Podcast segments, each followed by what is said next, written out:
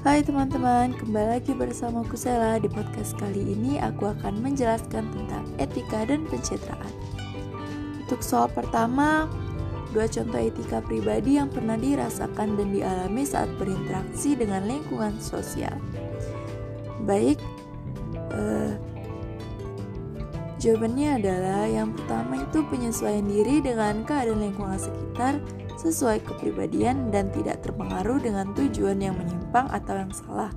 Kemudian, menghargai perbedaan yang ada karena sesungguhnya manusia itu tumbuh dan berkembang dalam lingkungan dan latar belakang yang berbeda dengan yang lain.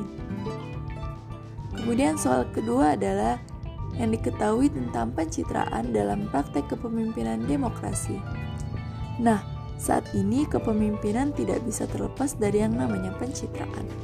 Di zaman yang berkembang serta zaman era teknologi digital saat ini, setiap pemimpin ini memerlukan presensi baik di lingkungannya maupun di luar lingkungannya yang bertujuan agar diakui sebagai pemimpin yang baik dan handal, serta dikenal oleh banyak orang.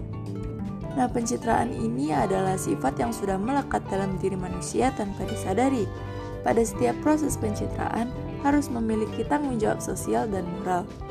Pencitraan praktek kepemimpinan demokrasi ini harus bersikap profesional agar publik tidak merasa dibohongi dan selalu menepati janji. Kepemimpinan pada masa mendatang tidak mungkin lagi berlindung dalam kata pencitraan, karena kecerdasan masyarakat era demokrasi akan membuat para pemimpin harus berkomitmen dan menepati janjinya selalu. Bila pemimpin ini membohongi masyarakat umum dengan pencitraan, maka akan mudah untuk kehilangan keyakinan atau kepercayaan dari masyarakat umum. Pencitraan praktek kepemimpinan demokrasi ini juga bertujuan untuk mengambil hati publik untuk kehidupan politik dari bangsa tersebut. Kemudian yang ketiga, adakah hubungan timbal balik antar etika dan pencitraan dalam praktek demokrasi? Nah, apa sih pengertian dari etika? Etika adalah norma yang berlaku pada masyarakat yang merupakan penuntun hidup yang benar dan umumnya membicarakan masalah tingkat laku dari manusia, apakah itu baik atau tidak baik, ataupun yang benar atau tidak benar. Menurut saya, etika pencitraan dalam praktik demokrasi memiliki hubungan timbal balik. Contoh dari praktik demokrasi ini adalah pemilu yang memiliki arti penting bagi kehidupan politik dari suatu bangsa.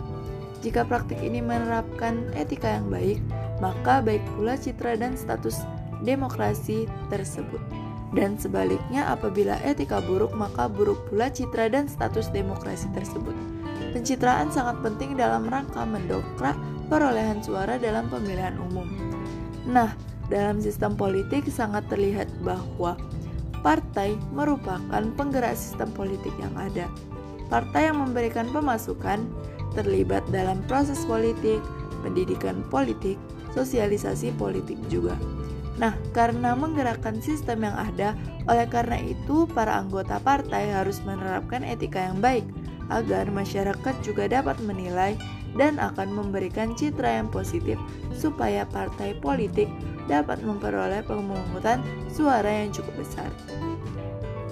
Nah, jadi etika ini tidak bisa jika hanya dipandang dengan sebelah mata karena etika dalam praktek demokrasi merupakan seperangkat norma yang mengatur perilaku serta sikap yang memiliki hubungan timbal balik dalam pencitraan.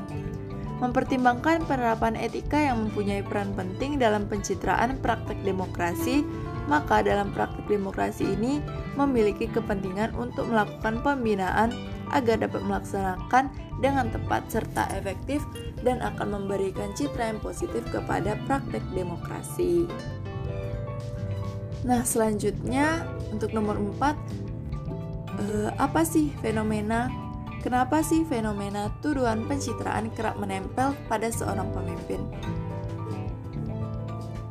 Nah, Kenapa tuduhan pencitraan kerap menempel pada seorang pemimpin ini? Karena para calon pemimpin selalu berusaha untuk memaksimalkan penampilan proses pencitraan yang positif untuk mengambil hati publik dan mendapatkan simpati dari publik sebanyak-banyaknya. Pemimpin yang bercita bercitra positif yakni yang berada pada posisi yang tidak pernah menyerah, yaitu pemimpin yang pantang putus asa, pantang pesimis, menjalani kehidupan kepemimpinannya, selalu optimis, dan merasa bahwa gerak organisasi yang ada pada kehidupan organisasinya adalah suatu tantangan yang selalu ingin berhasil dalam setiap visi, misi, dan tujuannya dengan perolehan kualitas yang sangat baik sebagai cerminan dari pimpinan yang berkualitas. Nah, seorang pemimpin yang memiliki citra diri positif akan berupaya keras untuk membangun kepercayaan diri dan membawa perubahan yang positif. Lanjut untuk pembahasan yang terakhir, apakah pencitraan selalu bermakna negatif? Nah, pada komunikasi sehari-hari, kata pencitraan ini memiliki sugesti yang negatif, yang tujuannya semata-mata hanya untuk memperkuat gambaran diri dan tidak ada makna positif dari publik. Sebagai makhluk sosial, sebenarnya pada setiap pribadi mempunyai pandangan yang dimiliki tentang diri sendiri, dan dalam kehidupan sosial, apa pun kegiatan yang dilakukan tidak lepas dari pengamatan orang lain. Seseorang bisa memiliki lebih dari gambaran diri, di mana setiap gambaran diri dilihatkan dan diaktifkan di lingkungan sosial yang berbeda. Contohnya adalah media sosial yang sering kita gunakan yang merupakan wadah pembentukan dari self-image atau gambaran diri. Jadi menurut saya pencitraan itu tidak selalu bermakna negatif bila seseorang menggunakannya dengan tepat, seimbang, dan memandangnya dengan aura positif. Sebaliknya, pencitraan ini akan bermakna negatif bila maksudnya negatif, tidak tepat, bertentangan, dan memandangnya dengan negatif. Sekian untuk podcast kali ini, kurang dan lebihnya mohon maaf. Kembali lagi di episode selanjutnya. Bye.